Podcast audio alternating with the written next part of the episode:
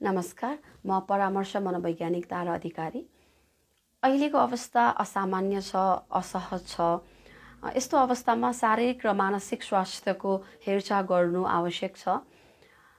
शारीरिक स्वास्थ्य जस्तै मानसिक स्वास्थ्य पनि महत्त्वपूर्ण छ। किनभने मानसिक रूपमा हामी स्वस्थ हुन सक्यौँ भने हामीले जीवनमा आइपर्ने कठिनाइहरूलाई झेल्न सक्छौँ आफ्ना तनावहरूलाई सामना गर्न सक्छौँ व्यवस्थापन गर्न सक्छौँ र आफ्नो काम र सम्बन्धलाई सहज बनाउन सक्छौँ। तर हाम्रो समाजमा मानसिक स्वास्थ्यको बारेमा खुलेर कुरा हुँदैन। किनभने यसको पछाडि मानसिक स्वास्थ्यको बारेमा कम जानकारी हुनु र मानसिक आफ्नो अवस्थाको बारेमा अरूलाई भन्दाखेरि आफू नै अपहेलित हुनु र परिवार र समाजमा कमजोर मानिनु वा भनौँ विभिन्न खाले नकारात्मक शब्दले लान्छना लगाइनु हो।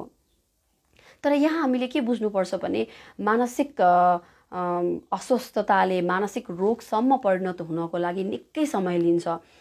र आफूलाई अस्वस्थता महसुस भएको जति छिटो हामीले पहिचान गर्न सक्छौँ र त्यसको सहयोगको लागि अगाडि बढ्न सक्छौँ त्यति नै हामीलाई सहज हुन्छ।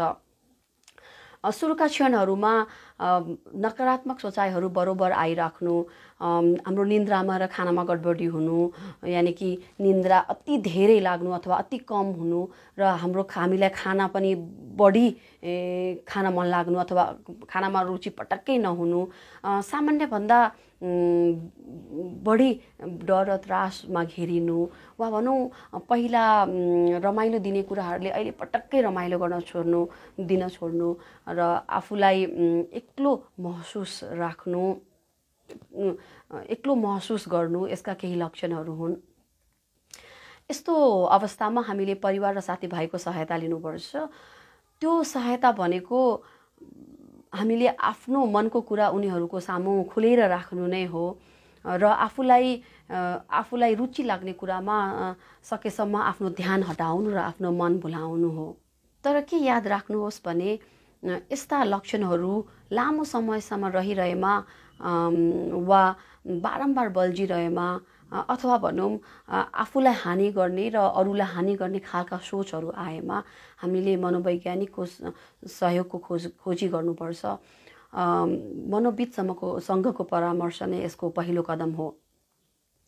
यदि तपाईँसँग आफ्ना कोही साथीभाइ अथवा भनौँ परिवारका सदस्यले आफ्नो भावनाहरू बाँड्न चाहेमा उनीहरूको कुरालाई एउटा सुरक्षित स्थानमा उचित समय मिलाएर ध्यानपूर्वक कुनै पनि पूर्वाग्रह नराखिकन सुनिदिनुहोस्। उनीहरूलाई उनीहरूको सुख दुःखमा म पनि साथमा छु है भन्ने खालको एउटा विश्वास दिलाउनुहोस्। उनीहरूको भावना बुझ्ने प्रयत्न गर्नुहोस्। उनीहरूलाई सुरक्षित महसुस गराउनुहोस्। तर यहाँ फेरि के बुझ्नुपर्छ भने हामीले गर्ने सहयोगको सीमितता हुन्छ।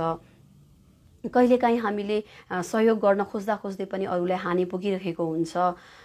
यो अवस्था आउन नदिनको लागि मैले नै सहयोग गर्नुपर्छ मैले उनीहरूको समस्याको समाधान निकाल्नै पर्छ भन्नेतिर नलाग्नुहोस्। यस्तो खाले सहयोग तालिम प्राप्त मनोवैज्ञानिक र मनोविदहरूले मात्र गर्न सक्छन्।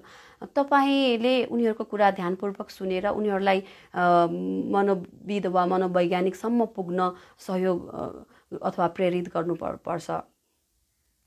हामीले मानसिक स्वास्थ्यको बारेमा यति मात्रै कुरा बुझ्न सक्यौँ भने पनि आफूलाई स्वास्थ्य राख्दै आफ्नो परिवार र समाजलाई केही योगदान पुर्याउन सक्छौँ। धन्यवाद।